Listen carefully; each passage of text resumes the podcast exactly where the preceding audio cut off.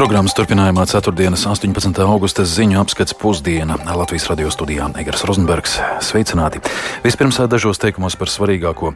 Ukrainā nākamnedēļ atzīmēs karoga dienu un neatkarības dienu. Eksperti prognozē, ka šajās dienās Krievija varētu pastiprināt raķešu uzbrukumus Ukrainai. Я не думаю, что это будет раньше. Es nedomāju, ka tas notiks agrāk. Mums ir divi nozīmīgi datumi - karoga diena 23. augustā un neatkarības diena 24. augustā. Šie divi datumi ir ticamākie, kad varētu notikt masīvi raķešu triecieni. Putins ļoti mīl simbolismu. Mācību gads Latvijā sākas ar pieteikto reformu turpināšanu un streikānā. Noslēgusies pieteikšanās Latvijas Nacionālajā aizsardzības akadēmijā. Interese par mācībām ir lielāka nekā pērn. Liela daļa līdz atlasē nemaz netiek. 20 līdz 40% pārdomā izvēloties citu profesiju. Aptuveni desmitā daļa neiztur psiholoģiskās noturības testus, tāpat ir maza daļa, kam veselība neatļauj kvalificēties studijām. Plašāk par šīm un citām vēstījumiem turpmākajās minūtēs.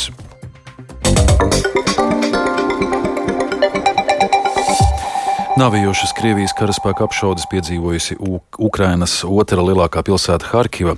Rieģējot uz tām, Ukrainas amatpersonas kārtējo reizi aicinājušas pasauli piegādāt vairāk ieroču, lai valsts aizstāvi varētu sakaut iebrucējus. Prominenti amerikāņi vērsušies pie ASV valdības ar aicinājumu piegādāt Ukrainai jaudīgākus ieročus. Bet Ļuvivā šodien tiksies Ukrainas, Turcijas un apvienoto nāciju organizācijas vadītāji. Turpina Uldis Česberis. Kara Ukrainā 176. diena sākās ar jauniem Krievijas raķešu un artērijas uzbrukumiem apdzīvotām vietām. Harkivā agri no rīta apšaudes laikā raķete trāpīja ēkai Slobodskas dzīvojamā rajonā, nogalinot vismaz vienu cilvēku, bet vēl 18 ievainojot. Tas bija otrais raķešu uzbrukums Harkivai īsā laikā, jo vakar vēlu vakarā tika apšaudīts arī Saltīfkas mikrorajons, kurā nogalināja septiņus cilvēkus, bet ievainoja 17. Harkivas apgabala militārās administrācijas vadītājs Oleks Sinegubovs paziņoja, ka šajā uzbrukumā visticamāk ir izmantota taktiskā balistiskā raķete Iskander, kas daļēji sagrāva trīsstāvu dzīvojamo ēku. Ukrainas prezidents Volodimirs Zelenskis Harkivas apšaudes nosauca par zemiskiem un gļēviem uzbrukumiem civiliedzīvotājiem, kam nav nekāda attaisnojuma un kas parāda agresora bezspēcību. Savukārt Ukrainas ārlietu ministrs Dmitro Kuleba aicinājis starptautisko sabiedrību pastiprināt sankcijas pret Krieviju un sniegt maksimālu militāro palīdzību Ukrainai, jo tas esot vienīgais veids, kā apturēt Krievijas vadītāju Vladimiru Putinu. Jaunadēļ Ukraina atzīmēs divus svarīgus nacionālos svētkus - karoga dienu un neatkarības dienu. Militārais eksperts Oļegs Ždanovs prognozē, ka šajās dienās Krievija varētu pastiprināt raķešu uzbrukumus Ukrainai.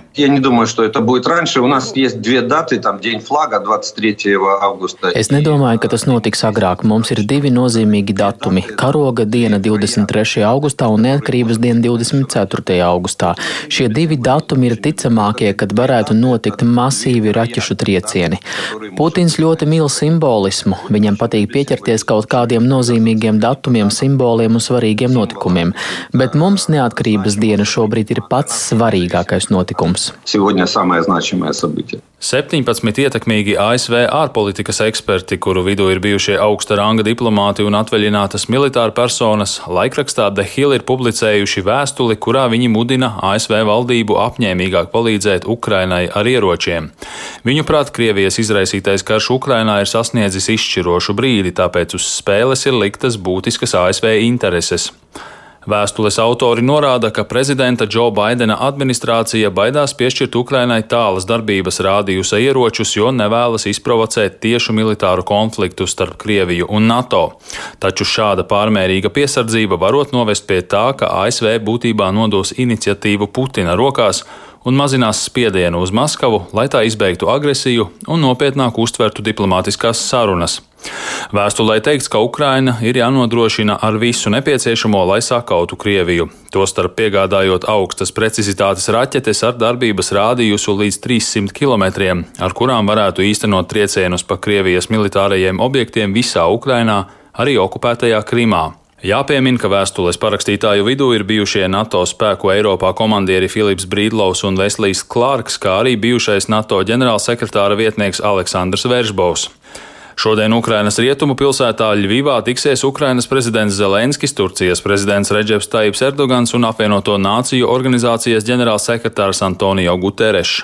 Viņi apspriedīs vairākus jautājumus. Viens no tiem būs kara Ukrainā izbeigšana politiskā ceļā. Tāpat paredzēts apspriest jūlijā panākto Ukrainas graudu eksporta atsākšanu no vairākām bloķētajām Ukrainas ostām. Līdz šim tā dēvētais graudu koridors Melnajā jūrā ir darbojies sekmīgi, jo kopš 1. augusta no trīs Ukrainas ostām ir izbraukuši vairāk nekā 20 kuģi ar simtiem tūkstošiem tonu lauksaimniecības produktu. Visticamāk, ka Zelenskis, Erdogans un Guterres arī apspriedīs situāciju uz Aporīžas atomelektrostacijā, ko ir ieņēmis Krievijas karaspēks. Uldis Česberis, Latvijas radio. Ukraina saņēmusi palīdzību arī no Latvijas haubices un helikopterus, un, kā norāda aizsardzības ministra padomnieks militārijos jautājumos atvaļināts ģenerālleitnants Raimons Graubi, bruņoties spēki sniedzot palīdzību sabalansē pašu vajadzības ar palīdzības sniegšanas iespējām. Pie tam sniedzot militāro palīdzību Ukrainai, Latvijas spējas netiekot novājinātas atbrīvojot mūsu armiju, mums ir iespēja dalīties ar, ar, ar mūsu draugiem, kolēģiem. Bet par pašu drošību pazīties nav nekāda, jo aprēķini, protams, tiek veikti ļoti rūpīgi. Bruņotās spēku komandijas aizsardzības ministrs balansē gan atdot to daudzumu pret to, kāds ir vajadzīgs mums pašiem. Un es varbūt atgādinātu, ka, piemēram, Haubits, Haubits mums ir pēdējiem diviem iepirkumiem, mums ir 65 pašlaik matemātiski pareiķinātas 6 Haubits pašgājēji varbūt nebūtu pats lielākais teiksim, zaudējums. Šonadēļ noslēgusies pieteikšanās Latvijas Nacionālajā aizsardzības akadēmijā. Interese par mācībām šogad ir lielāka nekā pērn. Iespējamais iemesls - karš Ukrainā. No 400 potenciāliem kadetiem līdz atlasē tikuši 160. Šogad akadēmija iestāja pārbaudījumos vairs nenosaka fiziskās sagatavotības kritērijus, bet gan vērtē mācīties gribētāju potenciālu. Plašāk Lindas Spundiņas ierakstā. Jau kopš mārta Latvijas Nacionālā aizsardzības akadēmija atlasījusi jaunos kadetus. Ar vēlmi papildināt studējošo skaitu, akadēmija izsludināja papildu pieteikšanos līdz 15. augustam. Kā arī raugoties uz bruņoto spēku attīstību nākamajiem trim līdz pieciem gadiem, ir vajadzība pēc vairāk virsniekiem. Kopumā interese bijusi pietiekami liela, norāda rektors Pulkvedis Oskars Kudlis. Ir izvērtējuši studēt aizsardzības akadēmijā diezgan detalizēti aptuveni 400 potenciāliem studentiem, kadeti, kā mēs saucam aizsardzības akadēmijā. Tad līdz atlasēji nonākuši 160, un šobrīd tie 160 ir jau finiša taisnē. Līgumus esam noslēguši ar 84 kadetiem, jo kļūstot par virsnieku, ir jākļūst par profesionāla dienesta karavīru. Liela daļa līdz atlasē nemaz netiek. Aptuveni 20 līdz 40% pārdomā izvēloties citu profesiju. Aptuveni desmitā daļa neiztur psiholoģiskās noturības testus, tāpat ir maza daļa, kam veselība neatļauj kvalificēties studijām. Atlasē pārbauda topošā kadeta atbilstību dienestam, veselības stāvokli, psiholoģisko noturību, lojalitāti valstī un akadēmiskās zināšanas. Ņemot vērā arī pandēmijas lielo periodu, kas kopumā nosaka to, ka ir vāja fiziskā sagatavotība, ir nav bijusi aktīva fiziskā slodze jauniešiem. Mēs neizvirzām vairs fiziskās sagatavotības prasības eh, jauniešiem, bet eh, veicam testus, vai viņiem ir potenciāls pilnveidot fizisko sagatavotību. Tādējādi pusgada periodā kadets vai kadete uzsāks studijas aizsardzības akadēmijā. Neapmierinošiem rezultātiem fiziskā sagatavotība, bet ir pusgads, lai nokārtot to apmierinoši, vismaz pozitīvi. Militārās aizsardzības eksperts, bijušais Nacionālo bruņoto spēku komandieris Gaidis Andrejs Zēbots, uzskata, ka fiziskās sagatavotības latiņu topošiem kadetiem nevajadzētu pazemināt. Bet ir otrā lieta. Mēs dzīvojam ne bezgaisa telpā. Mēs dzīvojam sabiedrībā, un mums jāņem vērā arī tās lietas, kas notiek mums apkārt un kāds ir tas kontingents, ko mēs varam izmantot. Nu, daudz jau sacīs. Šodien kauja, kara darbības vadība ir balstīta uz tehniku, uz podziņām, un nav šis fiziskais vajadzīgs. Es īsti tam nepiekrītu jo morālā sagatavotība, un viņa ir ļoti atkarīga arī no šīs fiziskās sagatavotības. Te būtu mums jāpiestrādā valsts vadībai, mums jāpiestrādā pie mūsu medicīnas un e, bērnu dārziem, un tas ir tas mūsu visas valsts kopējais uzdevums. Zēbats teica, ka akadēmija sagatavo labus jaunos virsniekus, un sekmes kaujas laukā atkarīgas no sagatavota virsnieka. Topošo kadetu atlase noslēgsies augusta beigās, kam sekos pamata apmācības, savukārt februārī studijas. Mācību laikā aptuveni 20 līdz 35% studentu atstāja akadēmiju. Interese par studijām šogad bijusi lielāka salīdzinot ar pagājušo gadu. Akadēmijas rektors uzskata, ka pieprasījuma palielinājumi varētu ietekmēt karš Ukrainā, kā arī iepriekšējā saskara ar militāro vidi - zemesardze, rezerves karavīru apmācības, jaunsardze. Linda Spundiņa, Latvijas radio. Briselē pēc Eiropas Savienības augstā pārstāvja ārlietās Žuzepa Borela uzaicinājuma šodien tiksies Kosovas premjeras Albins Kurti un Serbijas prezidents Aleksandrs Vučičs. Ielūgums izteikts pēc saspīlējuma abu pušu starpā augusta sākumā, kad uz Serbijas un Kosovas robežas kārtējo reizi ierīkotas barikādes, celta panika par potenciālu militāru konfliktu, izraisot arī NATO vadītās misijas reakciju.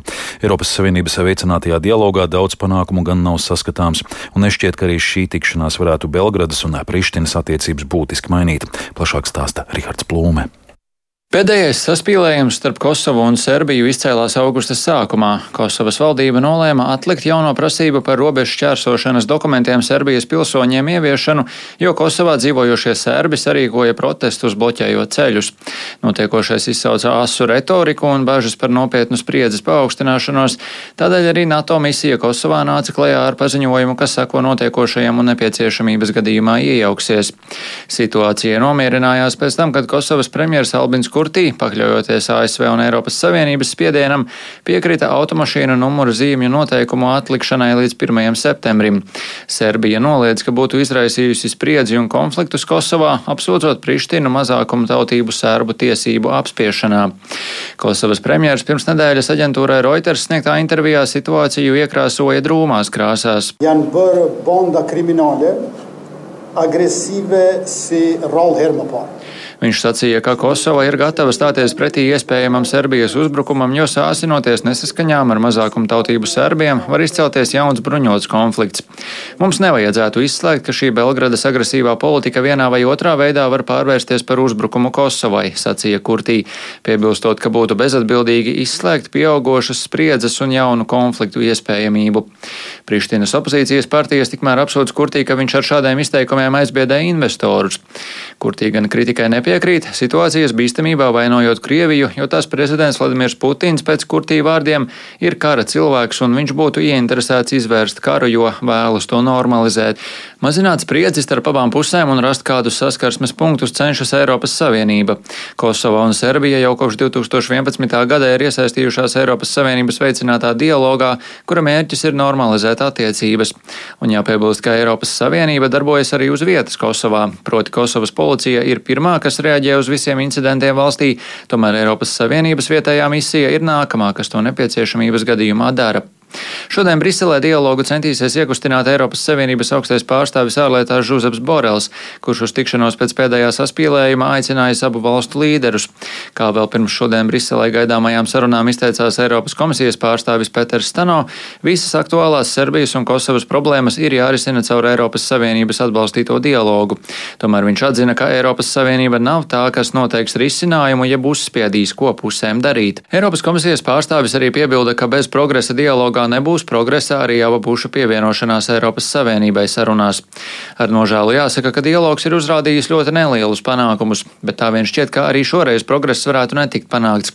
Arī Serbijas prezidents jau pirms sarunām izteicies kritiski, kas liecina par, ja ne kopējo noskaņojumu, tad vismaz noskaņojumu Belgradā gan. Dialogu bez dnevnog reda sa premjeram. Šis ir dialogs bez noteiktas darba kārtības ar Prištinas pagaidu iestāžu premjerministru. Esmu diezgan skeptisks par iespēju sasniegt kādus rezultātus. Pietiktu izlasīt kurti un viņa domu biedru izteikumus, lai redzētu, ka viņi nevēlas nekādus kompromisus. Vienīgais, ko viņi līdz šim ir teikuši, ka uzspiedīs savu gribu. Braucam uz Briseli, lai rastu risinājumu. Un vai es ticu, ka mums izdosies? Nu nē bet mēs noteikti centīsimies, cik varam. Abas puses var vainot par vairāk nekā 30 nolīgumu neīstenošanu. Izšķirošais jautājums gan ir viens - Kosovas atzīšana no Serbijas puses. Tomēr tas desmit gadu ilgušā dialoga laikā nekad nav bijis apspriests. Serbija ir apņēmusies nekad neatzīt Kosovu, ko tā uzskata par savu, un to atbalsta Krievija, kā arī piecas Eiropas Savienības dalībvalstis, kas atsakās atzīt Kosovu - Grieķija, Spānija, Rumānija, Slovākija un Kipra. Rihards Plūme, Latvijas radio. Jaunajā mācību gadā izglītības procesu pēc jaunākas metodikas sāks vairāku klašu skolēni. Līdztekus gatavojas pakāpeniskai pārējai uz mācībām latviešu valodā un iespējamai mācību gada pagarināšanai. Mielēks šī mācību gada sākumu draud aizēnot nozares arotbiedrības pieteiktais streiks, vairāk Jāņa Kinča sagatavotajā ierakstā. Gaidāmajā mācību gadā noslēgsies trīs gadu posms pārējai uz kompetencēs balstītu izglītības modeli. Tajā mācības organizēs arī 3., 6., 9. un 12. klases skolēniem, kuriem pēc izglītības un zinātnes ministrijas vadības teiktā būs lielāka autonomija mācību procesā. Aizvien turpinās arī mācību materiālu pilnveida pedagogiem. Pārmaiņas izglītības procesā viesīs arī jauninājumu eksaminācijas un novērtēšanas procesā vidusskolas beidzējiem. Valsts izglītības satura centra vadītāja Liene Voruņenko Lenko uz šo pārmaiņu kopumu lūkojas cerīgi. Noslēdzot šo vidējās izglītības apguvi, visiem skolēniem ir iespēja kārtot viņu izvēlētos augstākā līmeņa eksāmenus. Starp šiem eksāmeniem ir arī tādi pilnīgi jauni eksāmeni, kā programmēšana, dizains un tehnoloģijas, kas šobrīd liek domāt, ka mēs spēsim nodrošināt pasaules mērogam atbilstošus eksāmenu satura piedāvājumus arī mūsu jauniešiem. Šodien Izglītības un zinātnes ministrija nodos sabiedriskajai apspriešanai ieceri par skolēnu mācību gada pagarināšanu no 2024. un 2025. mācību gada. Tas paredzētu mācību gadu turpināt līdz Jāņiem ar trīs nedēļas ilgu ziemas brīvlaiku un divas nedēļas garām pavasara brīvdienām. Šāda pieeja ļautu izlīdzināt pedagoģu un skolēnu noslodzi un dotu audzēkņiem plašākas iespējas izglītojošiem procesiem ārpus mācību klases. Šis modelis atbilst rietumvalstu pieredzēji klāstīja izglītības un zinātnes ministre Anita Mužniec no konservatīvajiem. Līdztekus nozars ministrija turpina programmas izveidi pārējai uz izglītību tikai latviešu valodā. Turpina ministre. Tā ir mūsu iespēja labot sistēmu, kurā bērni līdz šim ir tikuši šķiroti pēc ģimenē lietotās valodas jau pavisam drīz, 2025. gadā, mācīsies vienoti pēc viena standarta valsts valodā. No 1. septembra spēkā stājas jaunais pedagoģu darba samaksas dotāciju aprēķins un sadales modelis. Tam dots nosaukums skolēns pašvaldībā. Modelis vērsts uz papildus finansējumu sadali pašvaldībām ar sakārtot izglītības iestāžu tīklu novadā, atgādināja ministre. Sparot šo pirmo soli, mūsu mērķis nebija ikvienam būtiski paaugstināt algu ar tādu lielu izrāvienu, bet uh, sakārtot sistēmu. Bija mērķis radīt taisnīgu atalgojumu sistēmu, kur katrs uh, skolotājs par līdzvērtīgu darbu saņem līdzvērtīgu atalgojumu. Nav noslēpums, ka mums šobrīd ir ārkārtīgi milzīgas atšķirības starp uh, skolotāju atalgojumu, kur uh, vienā izglītības iestādē skolotājs saņem minimālu noteikto likmi un uh, kādā citā izglītības iestādē tā ir pat divas ar pus reizes lielāka. Atalgojuma jautājumi ierasti ir iemesls nozares ministrijas viedokļu atšķirībām ar Latvijas izglītības un zinātnes darbinieku arotbiedrību. Tā nav viensprāts ar ministriju par valsts budžeta mērķa dotācijas sadales maiņu. To pārvirzīs no skolām uz pašvaldībām. Modeli nemainot, arotbiedrība paziņojas par beztermiņa streika rīkošanu no 19. septembra. Nozares ministra arotbiedrības paziņojumu vērtē ar izpratni, tomēr raksturo skarbi. Laikā, kad uh, Mums uh, ir arī dažādi ģeopolitiskie notikumi, kad sabiedrība ir divus gadus nogurdināta, dzīvojusi Covid apstākļos, kad mums draudz skarba zima, augsti rēķini. Manā ieskatā tieši šobrīd streikot papildus noslogot tos skolotājus, kur izvēlēsies pildīt savus darba pienākumus, manuprāt, nav īsti atbildīgi pret valsti. Vienlaikus, lai mazinātu bažas par nepieciešamo lietu sagādu sociāli mazāk nodrošinātām ģimenēm, arī šogad vecāku organizācija mamām un tētiem rīko akciju, lai palīdzētu sagatavoties skolai. Palīdzību iespējams sniegt jau šobrīd, stāsta organizācijas vadītāja Inga Akmentiņa Smildziņa. Tas aicinājums ir lielveikalos Akropola nopirkt kaut vai dažas pildspalvas kaut vai kādu zīmēšanas bloku vai burtnīcu, ja kāds var, protams, arī mugursomu. Nu, viss, kas ir vajadzīgs tieši skolai no tādām, nu, kancelēs, tādu preču skatījuma. Katru gadu runa ir par vairākiem simtiem ģimeņu, un uh, nāk šajā gadā klāt Ukrainas bēgļu ģimenes, kur daļai arī ir nepieciešams kāds atbalsts tieši skolas lietu. Šajā mācību gadā ierobežojums Covid-19 izplatības dēļ neplāno. Skolām būs nodrošināti paštesti Covid konstatēšanai, vienlaikus skolu vadība varēs lemt par individuāliem aizsardzības pasākumiem. Jānis Kincis, Latvijas Radio. Ventspils brīvosta piedāvās teritoriju saules parku būvniecībai. Uzņēmēji, kuriem ir ja interese par saules parku attīstību līdz 26. augustam, aicināt pieteikties izsolē par apbūves tiesību piešķiršanu saules paneļu būvniecībai uz četriem zemes gabaliem. Tās būs teritorijas vairāku desmitu hektāru platībā. Par iecerēm brīvostas teritorijā Ventspils brīvostas pārstāv izjautāja Inga Ozola. Ventspils brīvostas pārvaldnieka vietnieks mārketinga un attīstības nodaļas vadītājs Igors Udodovs uzsver, ka saules parku būvniecības iecer ir mūsdienu situācijas rezultāts, kad elektroenerģijas un citu resursu cenas tikai sadārdzinās.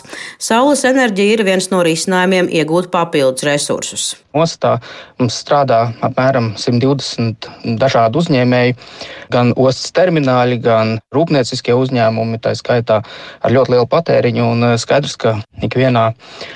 biznesā ir eh, ļoti būtiski eh, tieši elektroenerģija un eh, salīdzinoši lēta elektroenerģija.